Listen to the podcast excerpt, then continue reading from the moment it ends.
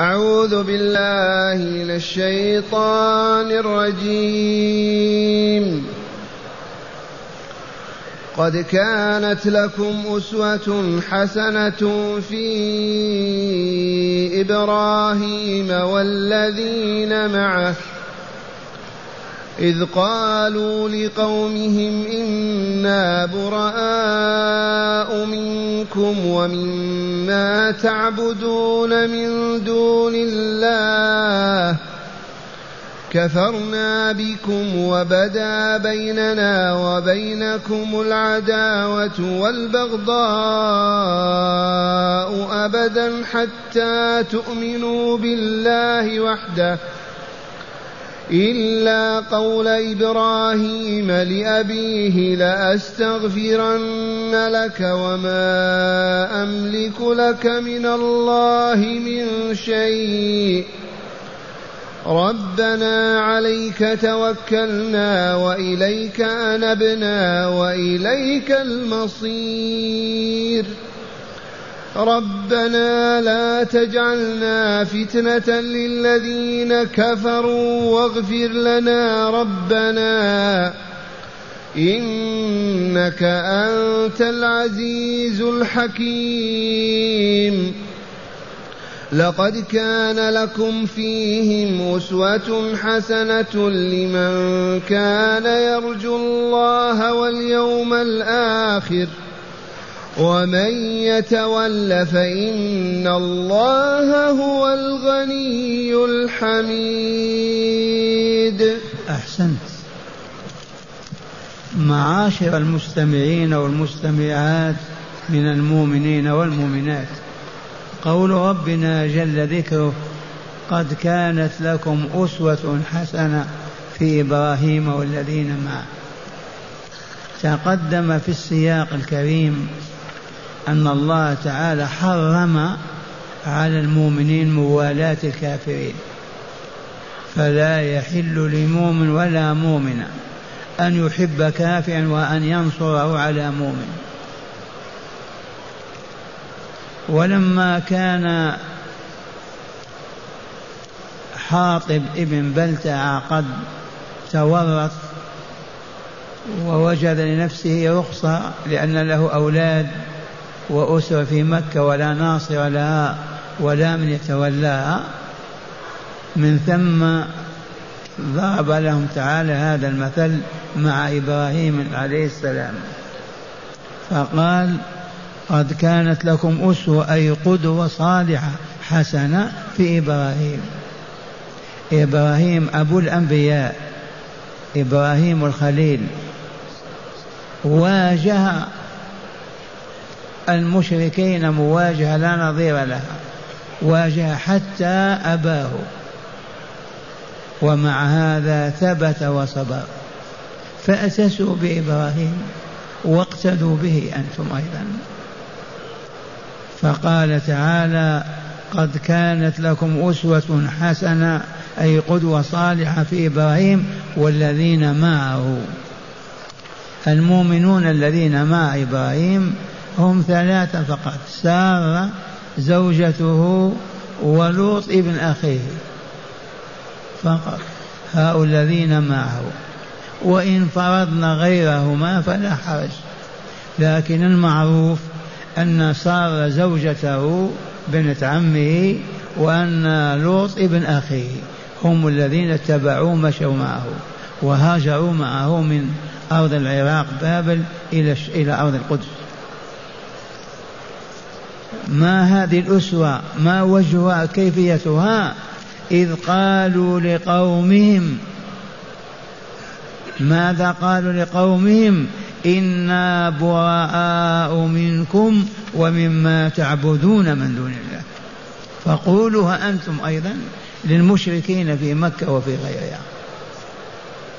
إبراهيم عليه السلام وزوجته وابن أخيه قالوا للمشركين في بلادهم إنا براء أي متبرئون منكم ومما تعبدون من دون الله من الأصنام والأحجار. كفرنا بكم ما نعترف بوجودكم ولا قيمة لكم ولا شيء عندنا. لا نعترف بوجودكم كفرنا بكم. وبدا بيننا وبينكم العداوة والبغضاء. ظهرت وعلت ولاحت في الآفاق العداوة بيننا وبينكم. فلا مودة ولا محبة أبدا لأنكم مشركون كافرون ونحن مؤمنون موحدون. فلا علاقة بيننا وبينكم. كفرنا بيد كفرنا بكم وبدا بيننا وبينكم العداوة والبغضاء. العداوة ضد الموالاة والبغضاء ضد الحب فلا حب ولا ولا. نبغضكم ونكرهكم ولا نواليكم حتى تؤمنوا بالله وحده. يوم ما تقولون لا إله إلا الله آمنا بالله ربا وإلها لا رب غيره ولا إله سواه يومئذ تنتهي هذه العداوة وهذا البغضاء ونتوالى ونتحاب ونتواد أما وأنتم مصرون على عبادة الأحجار والأصنام مشركون بالله فالعداوة قائمة ولا تنتهي إلا بانتهاء كفركم وشرككم. كلام واضح معقول. قاله إبراهيم وسار ومن معهما. كفرنا بكم وبدا بيننا وبينكم العداوة والبغضاء أبدا حتى تؤمنوا بالله وحده. إذا آمنتم بالله وحده لا إله معه ولا رب غيره هو المعبود الحق وعبادة غيره باطلة سواء كانت لملك أو لنبي أو كانت لحجر حينئذ نعود إلى الموالاة والمودة والمحبة والمؤاخاة. أما مع هذا فلا لا. ثم قال تعالى وقوله الحق. إلا قول إبراهيم. إلا قول إبراهيم. هذا استثناء. إلا قول إبراهيم لأبيه. إبراهيم حاول أن يهدي أباه. حاول أن يعود إلى الحق والده. وعده بأن يستغفر الله له. فلما أصر على الشرك والكفر تبرأ منه إبراهيم. فليتبرأ إذا حاطب ابن بلتع من أولاده وأمه وامرأته ومن معهم. إبراهيم إلا قول إبراهيم لأبيه لأستغفرن لك. كأنما قال والله لأطلبن لك المغفرة من الله. إن تبت ورجعت إلى الله. وما أملك لك من الله من شيء. ما نملك شيئا أبدا. لو نملك شيء لهديتك وأصلحتك. لو نملك شيء لأنزلت العذاب بك. ما نملك. هكذا ينصح والده ويرقق قلبه ولكن الوالد مصر. والآية من سورة مريم. سأستغفر لك ربي. إنه كان حفيا. الشاهد عندنا هذا فيه تأديب وتربية ورفق بحاطب بن بلتع. فإبراهيم أيضا قال لأبيه لأستغفرن لك وما أملك لك من الله من شيء. ثم بعد ذلك يصح أن يكون هذا قول إبراهيم ومن معه ويصح أن يكون لنا نحن أتباع النبي صلى الله عليه وسلم. ربنا عليك توكلنا. وإليك أنبنا وإليك المصير. علمنا الله أن نقول هذا. ربنا أي يا ربنا يا خالقنا يا رازقنا يا معبودنا الحق عليك لا على غيرك توكلنا واعتمدنا وإليك أنبنا ورجعنا وإليك مصيرنا. هذه يقول الله للمؤمنين قفوا هذا الموقف. تبرأوا من المشركين والشركين وافزعوا إلى الله واطرحوا بين يديه وقولوا ربنا عليك توكلنا وإليك أنبنا وإليك المصير. ربنا لا تجعلنا فتنة للذين كفروا. ربنا لا تجعلنا فتنة يفتن بها الذين كفروا. وهي بصورتين. إما أن تنصرهم علينا يفتتنون بكفرهم أو تنصرون عليهم فيفتتنون بإسلامنا. قولوا كيف انتصروا. لا تجعلنا فتنة للذين كفروا. واغفر لنا ذنوبنا السابقة والآتية والموجودة إن كانت. واغفر لنا ربنا يا ربنا إنك أنت العزيز الحكيم. هكذا علمنا الله عز وجل علم أمة محمد تقول وتقف هذا الموقف. ربنا عليك توكلنا وإليك المصير. وإليك انبنا وإليك المصير. ربنا لا تجعلنا فتنة للذين كفروا. واغفر لنا ربنا إنك أنت العزيز الحكيم. العزيز الغالب القاهر الذي لا يحال بين مراده شيء. الحكيم في تصرفاته في قضائه في حكمه في إعطائه في منعه. ثم قال تعالى لمحمد وأصحابه لقد كان لكم فيهم أسوة حسنة. يا حاطب بلتع ومن معك. لقد كان لكم في إبراهيم ومن معه أسوة حسنة قدوة صالحة. لقد كان لكم فيهم في من؟ أي في إبراهيم ومن معه وفي قومه الملاحدة المشركين. أسوة حسنة لمن كان يرجو الله واليوم الآخر. لمن كان يرجو لقاء ربه والوقوف بين يديه في ساحة فصل القضاء واليوم الآخر يوم القيامة. لمن كان هذه حاله يرجو الله ولا يرجو غيره يطمع في الله ولا يطمع في سواه يرهب الله ولا يرهب غيره واليوم الآخر لكم في هذه الحادثة أسوة حسنة. فاقتدوا بإبراهيم والمؤمنين معه. ثم قال تعالى ومن يتولى فإن الله هو الغني الحميد. ومن يعرض عن هذه الدعوة ويصر على الشرك وموالاة المشركين والتعامل معهم ومودتهم فالله عز وجل غني عنه. ومن يتولى ويعرض عن هذه الدعوة الربانية دعوة لا إله إلا الله محمد رسول الله فإن الله هو الغني ما هو في حاجة إلى عبادته وإلى طاعته. والحميد المحمود في السماوات والأرض. كل شيء يحمد الله ويدل على جلاله وكماله. مرة ثانية. قد كانت لكم أسوة حسنة في إبراهيم والذين معه. عرفنا من معه سارة ولوط ابن أخيه. كيف ذلك؟ إذ قالوا لقومهم المشركين الكافرين إنا براء منكم.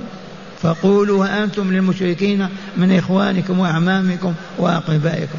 إن براء منكم ومما تعبدون من دون الله كفرنا بكم وبدا بيننا وبينكم العداوة والبغضاء. أبدا. اللهم إلا إذا آمنتم حتى تؤمنوا بالله وحده. إذا رجعتم إلى الصواب والحق قلنا لا إله إلا الله فنعم حتى تؤمنوا بالله وحده. إلا قول إبراهيم لأبيه ماذا قال لأبيه؟ لأستغفرن لك. ولكن بعد ذلك رفض ذلك وطرحه ولم يستجب له ولم يستغفر له. وما أملك لك من الله من شيء. ربنا عليك توكلنا وإليك أنبنا وإليك المصير. قولوا هذا الكلام أيها المؤمنون. قولوا ربنا لا تجعلنا فتنة للذين كفروا فنفتنهم عن ديننا ونخرجهم عن الإسلام أو يفتنوننا هم كذلك. واغفر لنا ربنا ما سبق من ذنوبنا وما قد يأتي منها. إنك أنت العزيز الحكيم الغالب الحكيم في قضائه وحكمه وعدله. ثالثا لقد كان لكم فيهم أي في إبراهيم ومن معه وقومه أسوة حسنة. فاقتدوا بإبراهيم فتبرأوا من المشركين وابتعدوا عنهم ولا توالوهم ولا توادوهم ولا تنصروهم. وهذا لمن؟ لكل من يرجو الله واليوم الآخر. أما من يتولى ويعرض عن الحق ويصر على الشرك وأهله وموالاة أهله فالله غني عنه وعن شركه وكفره وهو الحميد المحمود في السماء والأرض. مع هداية الآيات. بسم الله والحمد لله والصلاة والسلام على خير خلق الله سيدنا ونبينا محمد وعلى آله وصحبه. من هداية هذه الآيات. أولا وجوب الاقتداء بالصالحين في الائتساء بهم في الصالحات. من هداية هذه الآيات معاشر المستمعين والمستمعات وجوب الاقتداء بالصالحين. حيث ما يوجد صالح بيننا يجب أن نقتدي به. أما قال تعالى اقتدوا بإبراهيم وإلا لا لأصحاب رسول الله. فمن هنا من هداية الآيات إذا كان بيننا عبد صالح يجب أن نقتدي به فيما يقول وفيما يعمل. أسوة حسنة. نعم. ثانيا حرمة موالاة الكافرين ووجوب معاداتهم ولو كانوا أقرب قريب. من هداية الآيات حرمة موالاة الكافرين. ووجوب عداوتهم ولو كانوا أقرب قريب كالأب والأم والابن والأخ والأخت. وجوب معاداة الكافرين والبعد عنهم وعدم موالاتهم أبدا ما داموا مصرين على الكفر والعياذ بالله. ثالثا كل عداوة وبغضاء تنتهي برجوع العبد إلى الإيمان والتوحيد بعد الكفر والشرك. من هداية الآيات كل توبة ورجوع إلى الحق تنتهي به ينتهي به الشرك والكفر. ما عبد يتوب إلا وتاب الله عليه. ولو عصى الله مئة سنة ولو عبد الأصنام والأحجار ألف سنة. إذا تاب ورجع إلى الله تاب الله عليه. نعم. رابعا لا يجوز الاقتداء في غير الحق والمعروف فإذا أخطأ العبد الصالح فلا يتابع على الخطأ. لا يجوز الاقتداء بغير الحق والمعروف. لا يجوز الائتساء بغير الحق والمعروف. فلا تأتسوا بحاطب بن بلتعاء لما والى المشركين وكتب إليهم كتاب لكن تأتسوا بالعبد الصالح فيما هو معروف فيما هو خير فيما هو حق فيما هو فضيلة. أما الاتساء بالإنسان بالباطل وبالخبث والشر ما يجوز هذا الاقتداء ولا الاتساء أبدا. نعم. خامسا وأخيرا وجوب تقوية المؤمنين وجوب تقوية المؤمنين بكل أسباب القوة لأمرين. الأول خشية أن يغلبهم الكافرون فيفتنوهم في دينهم ويردوهم إلى الكفر. والثاني حتى لا يظن الكافرون الغالبون أنهم على حق بسبب ظهورهم على المسلمين فيزدادوا كفرا فيكون المسلمون سببا في ذلك فيأثمون للسببية من هداية هذه الآيات وجوب تقوية المؤمنين ونصرتهم حتى يكونوا أقوى من الكافرين أقوى من المشركين. وذلك لأمرين. الأول حتى يتمكنوا من هداية الخلق ودعوتهم إلى الإسلام ويحفظون دينهم وما هم عليه. الأمر الثاني حتى لا يقول المشركون هؤلاء الضعف دينهم باطل لو كان دينهم حق لكانوا منتصرين ولكانوا أقوياء. أعد لنا هذا. قال وجوب تقوية المؤمنين بكل أسباب القوة لأمرين.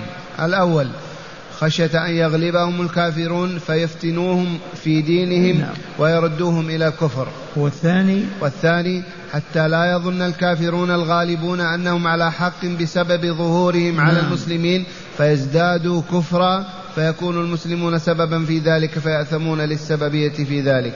معشر المستمعين هذه لطيفة من أبدع اللطائف. يجب تقوية المؤمنين. ما نترك المؤمنين ضعف أبدا قوهم تقوية المؤمنين ضرورية حتى يعبدوا الله ويدعو إلى عبادته. وذلك لأمرين لسببين. السبب الأول إذا كانوا ضعفاء يتسلط عليهم المشركون ويفسدون عليهم دينهم وعقائدهم ويبطلونهم لضعفهم. الثانية السبب اللطيفة الثانية يغلبون فيظنوا أنهم على حق. فلا يغلب الكافرون المؤمنين فيفهمون أنهم على حق ولهذا انتصروا على المؤمنين. لو كان المسلمون على حق ما انتصرنا عليهم. وقالت هذا أوروبا وقالت روسيا. خلاصة القول يجب على المسلمين أن يتقووا وأن يكبروا ويكملوا ويسعدوا. الضعف حرام عليهم يشجع المشركين عليهم. وعلى فسادهم نعم. والآن نستمع لآيات مجودة أيضا مرتلة ونتدبر ما فهمناه منها. أعوذ بالله من الشيطان الرجيم. قد كانت لكم أسوة حسنة في إبراهيم والذين معه. إذ قالوا لقومهم إنا براء منكم ومما تعبدون من دون الله. كفرنا بكم وبدا بيننا وبينكم العداوة والبغضاء أبدا. وبدا بيننا وبينكم العداوة والبغضاء أبدا حتى تؤمنوا بالله وحده. إلا قول إبراهيم لأبيه لأستغفرن لك وما أملك لك من الله من شيء. ربنا عليك توكلنا وإليك أنبنا وإليك المصير. ربنا لا تجعلنا فتنة للذين كفروا واغفر لنا ربنا إنك أنت العزيز الحكيم. لقد كان لكم فيهم أسوة حسنة لمن كان يرجو الله واليوم الآخر. ومن يتول فإن الله هو الغني الحميد. أحسن